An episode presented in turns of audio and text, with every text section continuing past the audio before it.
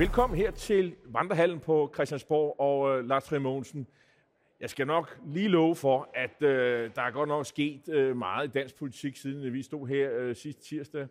Æh, hvis jeg nu siger nye borgerlige, hvad siger du så? Ja, så siger jeg ingen borgerlige, for det er et parti i total indre opløsning. Altså en helt, helt spektakulær implosion. Jeg har ikke, tror jeg, har set noget, har du set noget lignende af et parti, som trods alt gik frem ved sidste valg. Ikke, det, det, det faldt fra et meget højt niveau, kan man sige, under corona. Der stod øh, Pernille Vermund dengang, kan man sige, som den hårdeste kritiker. Der var de op over 10 procent. Så det er ganske vist faldet, men de fik jo faktisk et, et, et hederligt valg. Og siden da, ja, der er hver, hver anden altså, øh, folketingsmedlem altså, løbet øh, skrigende bort. Og det er, er gået totalt op. Har du oplevet noget parti, der så hurtigt Nej, og jeg, har, jeg, jeg kan ikke huske, at jeg er gået i seng øh, i den tro, at øh, Lars Borg Mathisen var formand for Nye Borgerlige. Det tror jeg og, så, og, så, og så vågnede jeg op næste morgen og, og læste i nyhederne, og, og, og, og der så jeg, at han var blevet ekskluderet, fordi at han ville have øh, kontrol med partiets pengekasse, og ville bevilge sig selv højere løn, og, og jeg ved ikke, og det kunne de selvfølgelig ikke. De, har fået, de mente, at han havde, de havde givet ham en pistol for panden, eller det havde været omvendt. Øh, han øh, havde givet dem en pistol for panden, og det sagde de selvfølgelig nej til. Det var sådan et, øh, et ultimatum, de havde stillet ham. Øh, og så havde de ekskluderet ham. Altså, jeg er da med på, at man ligesom kunne være uenig, men så kan man vel forhandle sig til rette, et eller andet. Øh. Men helt nej, der, man øh, øh, skrider til eksklusion. Øh, det har jeg ikke set for. Jeg, jeg troede simpelthen, at 1. april var faldet lidt tidligere, end det plejer. Øh.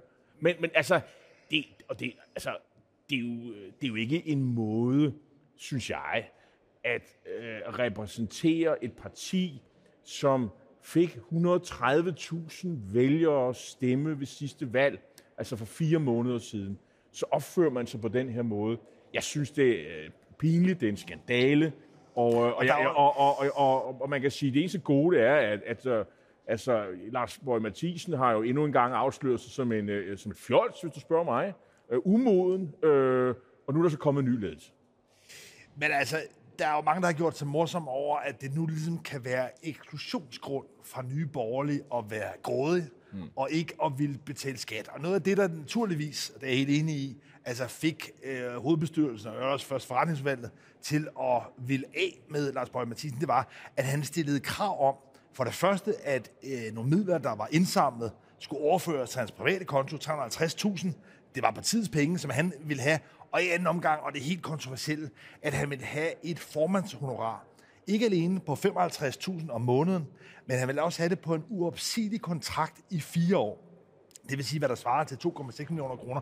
Men som, altså, selv hvis han valgte selv at træde tilbage, så vil Nye Borgerlige være forpligtet til at skulle blive ved med at betale ham det her millionbeløb. Og der kan jeg godt forstå, at et parti, som jo i forvejen kæmpede med, at folketingsmedlemmer var trådt ud havde en slunken kasse, at de ikke kunne acceptere det. Så, som jeg siger, altså, der, der, der kan sikkert nogen diskussion om, at Lars Bøje selvfølgelig måtte ud, men det efterlader ikke desto mindre et parti i total vildred. Altså, det her det er jo en, en skør opførsel, ikke?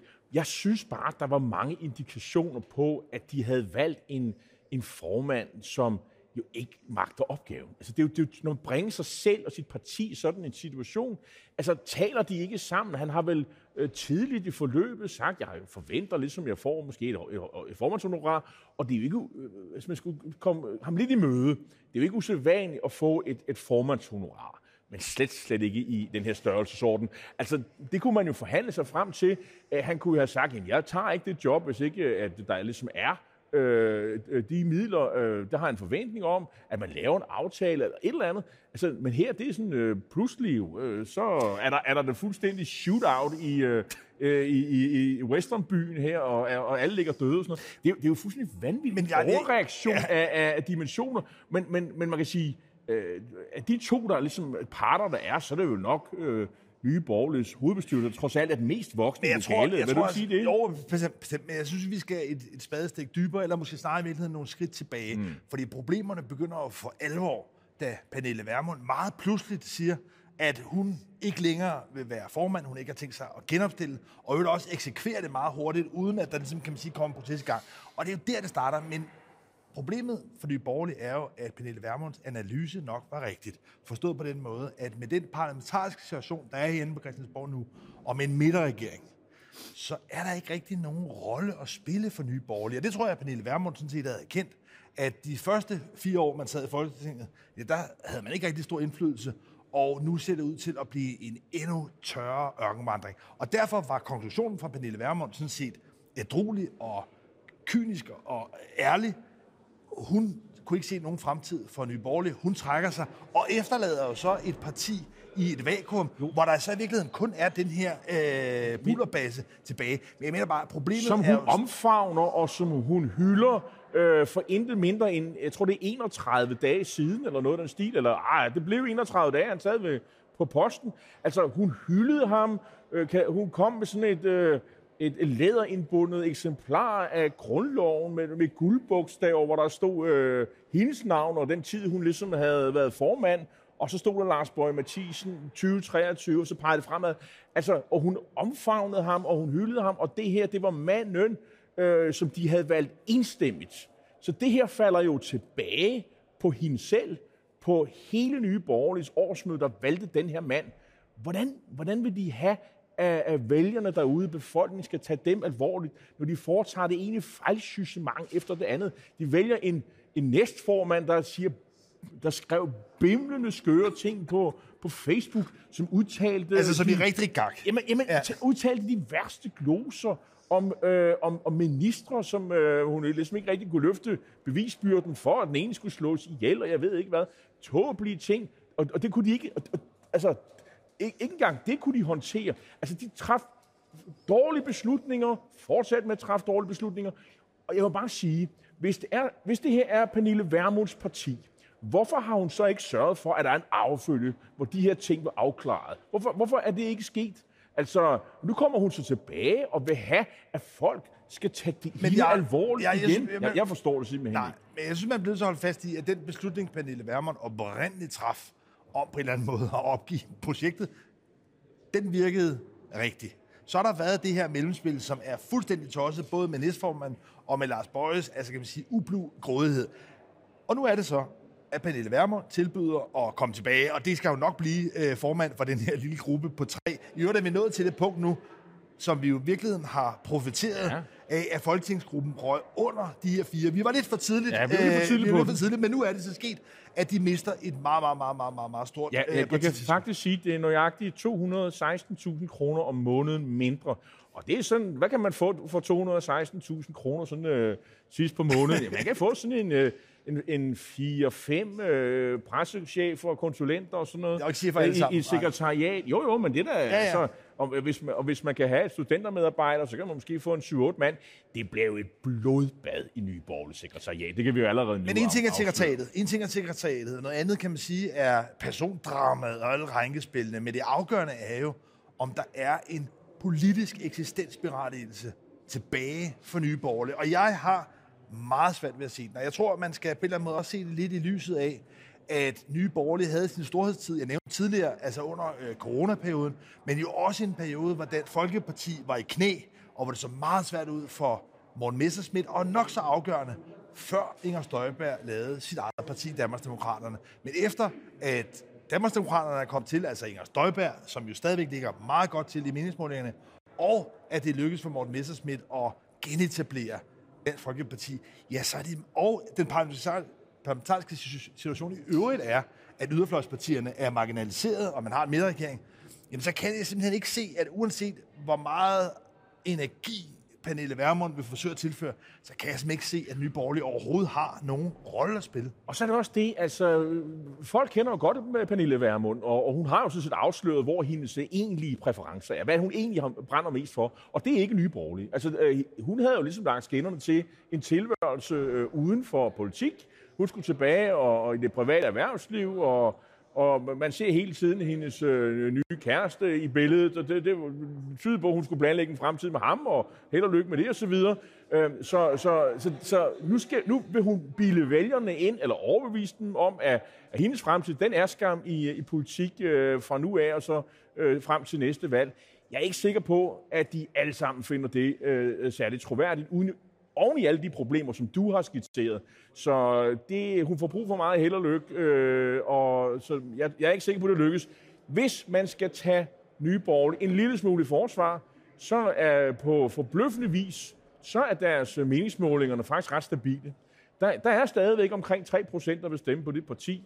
Øh, og jeg glæder mig meget til at se meningsmålingerne i, i næste uge, og se om, om det her scenarie, der, hvor der, som er helt uden fortilfælde, meget bekendt, at man sådan ekskluderer folk hen over natten. Jeg tror, den sidste, det var Axel Larsen fra Kommunistpartiet tilbage i 50'erne eller sådan noget. Men det er jo altså så, også... Så, så, så, øh, om det kommer til at sætte sig, så det tror jeg, det gør. Men det, der jo også er en øh, farlig færd for nogle af de her lidt mindre partier, det er, at vi har fået en midterregering. Og i virkeligheden, alt den ballade, det kaos, der har været her, er jo på en eller anden måde noget, der bekræfter, om ikke andet Lars Løkke, men nok også øh, Venstrefolkene og Mette Frederiksen i, at det har været meget klogt at slå pjalterne sammen, lave en midterregering, hvor man netop ikke var afhængig af det her tumult på yderfløjene. Så på den måde er der jo altså også noget i de her bevægelser, forvirrende, kaotiske øh, bølgeskvuld, som på en eller anden måde er med til at stabilisere. Altså, jeg medgiver, regeringen, SVM-regeringen lige nu, har altså elendige målinger, men fortællingen om det, behovet for det, det virker på en eller anden måde til at blive understøttet af alt det her kaos. Men det er jo ikke fordi, at de øh, i regeringspartierne, for måske skulle vi ret øh, fokus mod Venstre, som jo kom med ugens anden helt store spektakulære rokade, eller i virkeligheden, altså øh, nyværvning. Formanden for øh, Region Sydjylland, Stefanie Lose, er lige pludselig blevet minister. Ja, mere det er Region Syd Danmark faktisk, øh, det hedder den jo. Ja, hun blev minister sådan ud af det blå, og, og hvis man skal tro på, hvad der bliver sagt, og det kunne man godt gøre en gang imellem, for jeg synes faktisk, det lyder rimelig troværdigt. Troels Lund Poulsen, han øh, fandt ud af efter en måneds tid, at han kunne, eller 5-6 uger tror det blev, han kunne simpelthen ikke passe øh, to ministerposter på én gang. Og øh, der var også en erkendelse i Venstre, når man sidder til de der øh, øh, udvalgsmøder i regeringen, at man sidder to mand, og så sidder man over for øh, Socialdemokratiet med tre mand, og så sidder der også nogen fra, fra Moderaterne. De var for få i de der, i, i de der udvalg.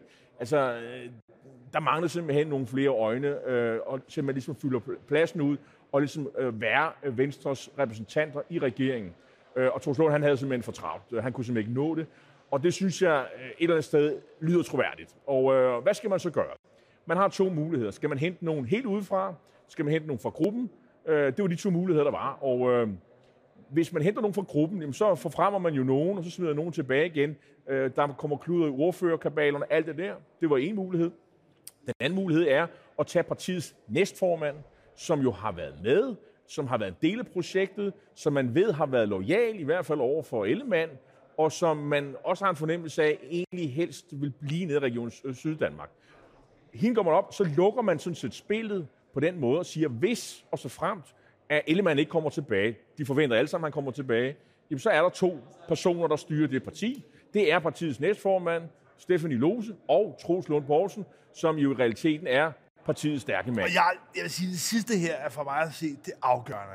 Der var begyndt at opstå, kan man sige, en rumlen om, hvad man skulle gøre i den situation, at Jakob Ellemann ikke kommer tilbage. At han simpelthen altså vælger at konkludere, at hans øh, fremtid skal være et andet sted end i den allerøverste toppolitik.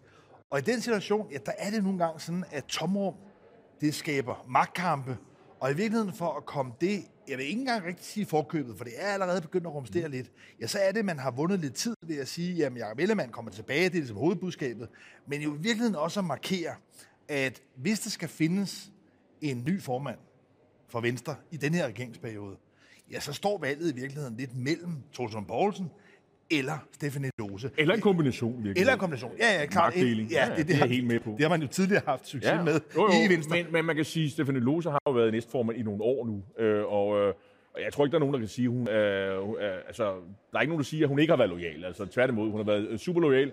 Øh, der, er dog og, en, ja. der er dog en, hun ikke har været lojal i forhold til, og det er noget af det, der kan komme til at give noget øh, splid. Hun har ikke været, kan man sige, specielt lojal i forhold til Lars Løkke, for det var i høj grad Stefanie Lose, der i virkeligheden var det er faktisk rigtigt, ja. bødlen. Altså, jeg tror i hvert fald, Lars Lykke selv har haft en oplevelse af, at Stefanie Lose på de møder, de afgørende møder, der var, var en, en afgørende brik i forhold til ligesom, at få møffet ham ud af Venstre.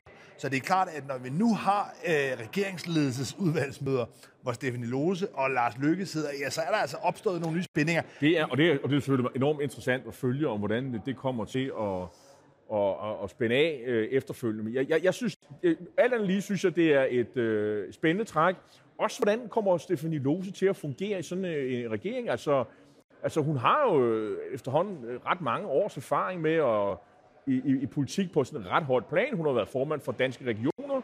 Øh, hun kan være kynisk magtspiller, det har Ville Søvndal jo erfaret, øh, da, der, da de konstituerede sig for nogle år siden. Altså, og hun øh, slog også alle socialdemokraterne i hele spillet om formand for Danske Region. Det var der heller ikke nogen, der havde set komme. Så i det der magtspil, øh, og du nævnte selv det der med lykke, der kan hun noget, og, og hun tager de stik, hun kan.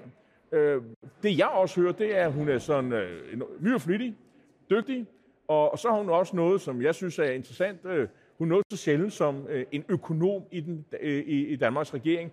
Det var sådan noget. Den sidste, det var vist Margrethe Vestager, så vidt jeg husker. Og, øh, og nu øh, er hun altså tilbage og er økonomiminister, i hvert fald fungerende økonomiminister.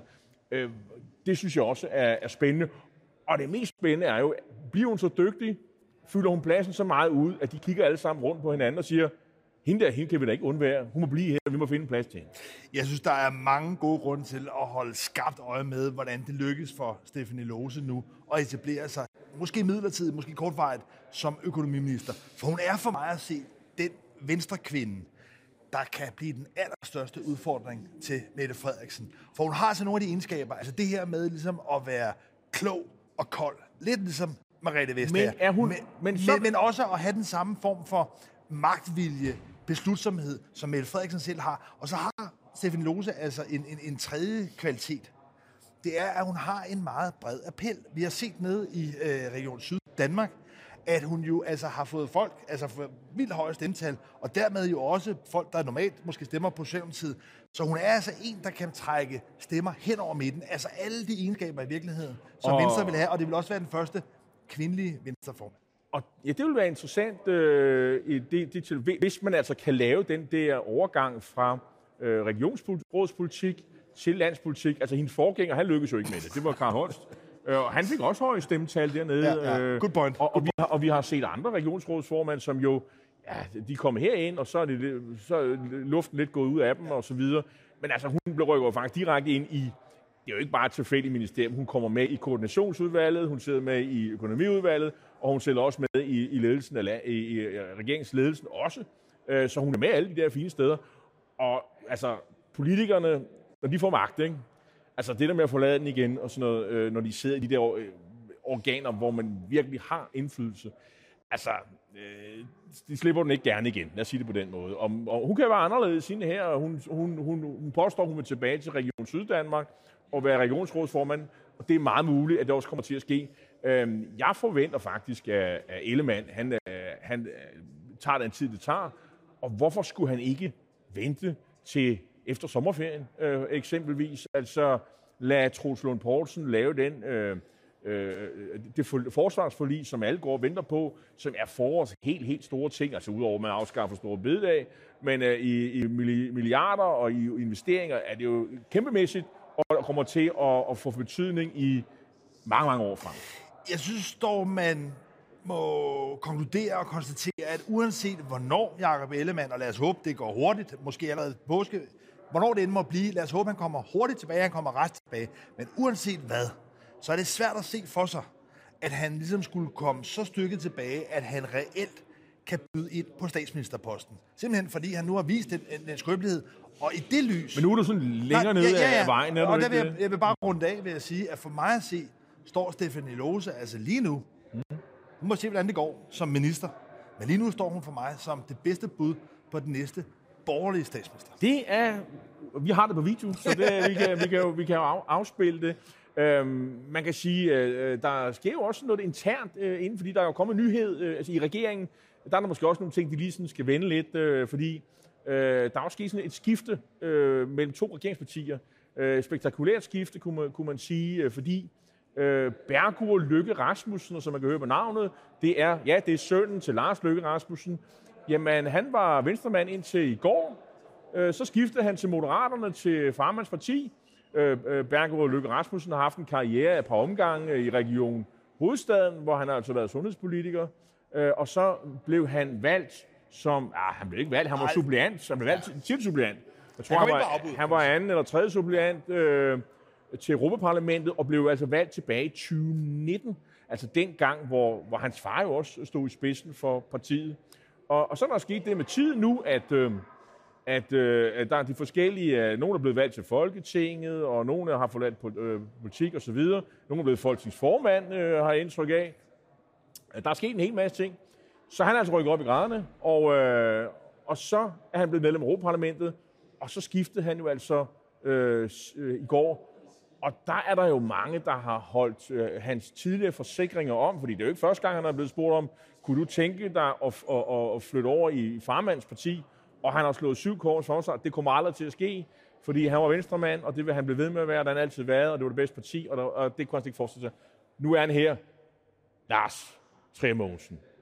Var du overrasket, da du læste det? Nej, egentlig ikke, fordi jeg synes, altså når man vurderer det ud fra Bergur og Løkke Rasmussens egen lille univers, så synes jeg egentlig, at det er et meget klogt træk. Jeg synes, Moderaterne allerede nu har manifesteret, at trods af, at der er personskandaler, det kører op og ned, så synes jeg, at de har etableret sig som et parti, jeg tror, man skal regne med, som også vil kunne trække, som lige præcis er stor nok, til at også kunne trække sit eget mandat til Europaparlamentet. Så han er rimelig sikret den post. Også, at han kan komme ind i Folketinget osv det, det, jeg synes, det virker som et ret naturligt øh, træk af ham. Men det er jo klart, at det er noget, der bidrager til hele den her fortælling om troløsheden blandt øh, politikere. Altså i sidste folketingsperiode, der var vi i den ret spektakulære situation, at 32 folketingsmedlemmer endte med at skifte parti. Altså ud af de 175 danske medlemmer, der var det, hvad der svarer til 18 procent af de folkevalgte, som valgte at hoppe væk fra deres parti. Og det er klart, at det giver jo selvfølgelig... Og, og, og hvis lige tager scoren op, jeg tror, der er, der er tre, der er hoppet af fra, fra, fra nye borgerlige. De, de, de, ja, i, de, i nuværende runde. Og, og så er der en, en moderat, der, der stopper midt i det hele, fordi han, øh, han har ikke rigtig lyst til at være med mere, fordi der kom en masse afsløringer om hans, øh, om hans virksomheder som vist øh, øh, var, var tomme skaller, ikke? Så jo, der, var, der var i hvert fald ikke så meget aktivitet i dem. Og Karl Ellemann stoppede jo også, kan man sige. Altså, det er rigtigt, ja, det fem, ja, det giver fem. Så, så, ja, ja. Så, så, så pointen er her, at vi har altså set i et tempo lige nu, så hvis det fortsætter, så slår man sidste valgperiodes rekord. Mm. Og det er klart, at det er noget, der bidrager til den her, altså kan man sige, øh, misnøje i hvert fald med, men, at kan man regne med, at det, man stemmer på, også rent faktisk altså, men, øh, bliver der. Men det er vel også, når man sidder der i, øh, i regeringen, og der sidder man over for Lars Lykke, altså Øh, må det ikke han har haft en spil, øh, finger med i spillet om at, at få værvet sønnen over i sit eget parti? Øh, det er farmands projekt. Øh, øh, det er jo ikke nogen sådan venlig øh, gerning, vel, er det det? Og, og, og ligesom at gøre det her. At det bliver vel heller ikke taget sådan øh, venligt ned af, af Venstre. De, de kommer som en lidt småsyrlig bemærkning om, at ja, det kommer vel ikke som en helt stor overraskelse, og så videre, så videre. Nu må vi videre. Altså, det er vel, ikke sige, en krigserklæring, men det er jo ikke nogen venlig handling. Og det kommer øh, nogle dage efter, at, at, øh, at Moderaterne har meldt ud, at de stiller faktisk op til både kommunalvalg øh, og til, folk, og til Europaparlamentsvalg, hvor man skal have i omegnen 8% af stemmerne. Det er sådan cirka der, hvor de moderater ligger i, i meningsmålingerne lige nu. Så det er meget sandsynligt, at de faktisk kan vinde noget. Og så kan han jo være spidskandidat. Han hedder Løkke Rasmussen. Det er jo perfekt. Ja, altså jeg, jeg, jeg mener, jeg synes nu, det er, og det tror jeg også, det vil ende med at være, også venstrefolk, en formidlende omstændighed, at det er Lars Lykkes øh, søn. Så på den måde er det jo, altså... Øh, Men du tror, ikke, det, du tror ikke, det kommer til at gnæve en lille smule i forholdet og rivalisering jo, mellem jo. Venstre og Moderaterne? Jo. Det tror jeg, det gør. Altså, og det her, det, kommer, det, ligger, det er klart noget, man vil huske. Næste gang, man skal sådan kigge og sige, hvad skal du have, hvad skal jeg have, så vil man kigge på de her ting og sige, Lykke, ham skal man lige øh, holde øje med. Men, hvis Men det vidste de godt i forvejen, skulle man næsten sige. Men hvis man vil dykke øh, lidt dybere ind i nogle af de her spil, nogle af de her magtkabaler, der er, også blandt altså øh, regeringspartierne, så vil jeg afslutningsvis øh, komme øh, for egen regning med en, øh, en lille boganbefaling. For det er sådan, at øh, jeg og Henrik Kvartrup, tidligere øh, gæstevært her i Borg Late Night, vi i dag udkommer med bogen Lev med det, som er forhåbentlig en letlæst og tilgængelig øh, tur de force gennem de her sidste vilde år med Mette Frederiksen. Og det vi virkelig forsøger at løse som en gåde, det er, hvordan kunne det lykkes for de gamle fjender. Fra Mette Frederiksen på den ene side, og Lars Løkke og Venstre på den anden side, de gamle fjender, og blive de nye venner. Så når de fortæller om det nu, så er alt fryd og gammel. Men det har altså været en tilblivelseshistorie, og vi zoomer særligt ind på, hvordan det lykkedes i virkeligheden også væk fra Marienborg, væk fra statsministeriet, til, med møder ude hos Morten Bødskov og ude hos Trotson Poulsen. Altså ude på landet, ude blandt traktorerne. Hvordan det lykkedes ja. på en eller anden måde at lave sådan nogle hemmelige teambuildingsmøder, hvor de i virkeligheden ikke blev enige om så meget politik, men hvor det handlede om at skabe tillid til hinanden. Så det her det er altså et forsøg. Lev med det, som Henrik Kvartrup, Astrid Mogensen, jeg selv udkom med i dag, i et forsøg på at løse gåden om, hvorfor vi fik den her regering. Det er vores anbefaling til lektielæsning til næste tirsdag. Um, og den kan købes allerede nu i alle velassorterede bog, boglader, yes. uh, har jeg indtryk af. Lars, øh, næste tirsdag, når vi mødes her igen, tror du så, at vi har en, øh, et finanslovsforslag? Ja, det er i hvert fald altså, øh, meget tæt på. Altså, om det kommer tirsdag og onsdag, øh, det er lige til øllet, men nu er det i hvert fald regeringen jo, altså i reelt, mange, mange, mange, mange måneder, faktisk et halvt år, altså øh, forsinket næsten, øh, endelig kommer med en dansk. Jeg tror ikke, vi skal forvente dog, at det bliver det helt store fyrværkeri de har brugt, De har brugt pengene, og nogen siger, at de har måske 300 millioner 300 milliarder, undskyld. 300 millioner. Hvem er det? Er det 300 millioner, jeg har i kassen? Det tror jeg kun, det er. Det er et lille beløb. Øh, det, er ikke de, det er ikke de helt store summer. Nej, og jeg tror heller ikke, at det er nu, at de vil til at krasse flere penge ind. Efter den ballade, der har været stor bededag, der tror jeg, at man er tilfreds med, at det ligesom er, er landet. Nu står man over for nogle upopulære reformer, både når det gælder øh, afskaffelsen af senior pensionen, når det gælder øh, universiteterne, så der er masser, der nok skal skabe ballade. Jeg tror, at den her finanslov, men vi må se på det i næste uge, jeg tror, den bliver lidt mere stilfærdig. Jeg tror, at regeringen har brug for, at der kommer en lille smule arbejdsro. Men tusind tak, fordi du så med, og på gensyn i næste uge.